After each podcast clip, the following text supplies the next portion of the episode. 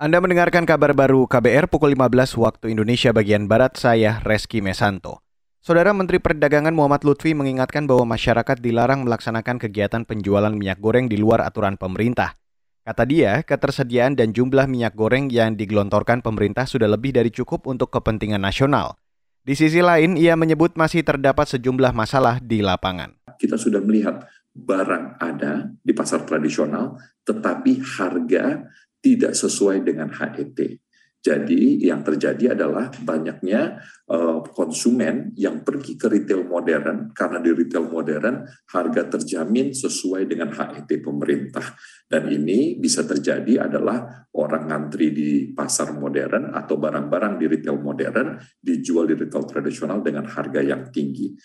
Menteri Perdagangan Muhammad Lutfi juga meminta masyarakat melaporkan jika menemui ada kecurangan untuk kemudian ditindaklanjuti secara hukum. Lebih lanjut, Muhammad Lutfi juga memastikan kebijakan Domestic Market Obligation atau DMO dan Domestic Price Obligation atau DPO bakal jadi kebijakan jangka panjang. Kata dia, pemerintah akan menaikkan DMO dari 20% menjadi 30% mulai besok untuk memastikan stok di dalam negeri. Beralih ke berita selanjutnya, Saudara. Lembaga Ombudsman Republik Indonesia mengungkapkan tingginya aduan dari masyarakat seputar masalah perbankan dan asuransi di Indonesia. Wakil Ketua Ombudsman RI, Bobi Hamzar Rafinus mengatakan, masuknya pelaporan masyarakat yang menyangkut kedua sektor itu tidak pernah surut ke kantor pusat maupun perwakilan di daerah.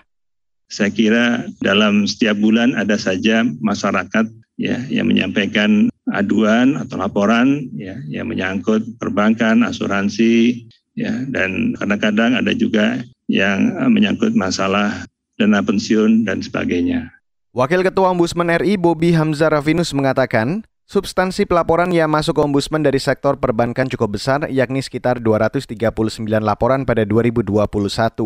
Di sisi lain, aduan pada sektor ekonomi lain semisal perhubungan dan infrastruktur terdapat 293 laporan.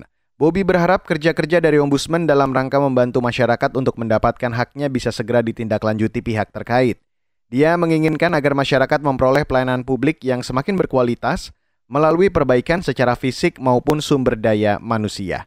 Saudara, kepolisian mengerahkan lebih dari 3.400 personel gabungan untuk mengamankan pergelaran balap motor MotoGP di Mandalika. Jadwal MotoGP Mandalika akan digelar 18 hingga 20 Maret mendatang. Dikutip dari antara, Kapolda NTB Joko Purwanto mengatakan, personel gabungan itu terdiri dari Polri, TNI, termasuk dari Basarnas, Satpol PP, dan lain-lain. Dan saudara demikian kabar baru pukul 15, saya Reski Mesanto.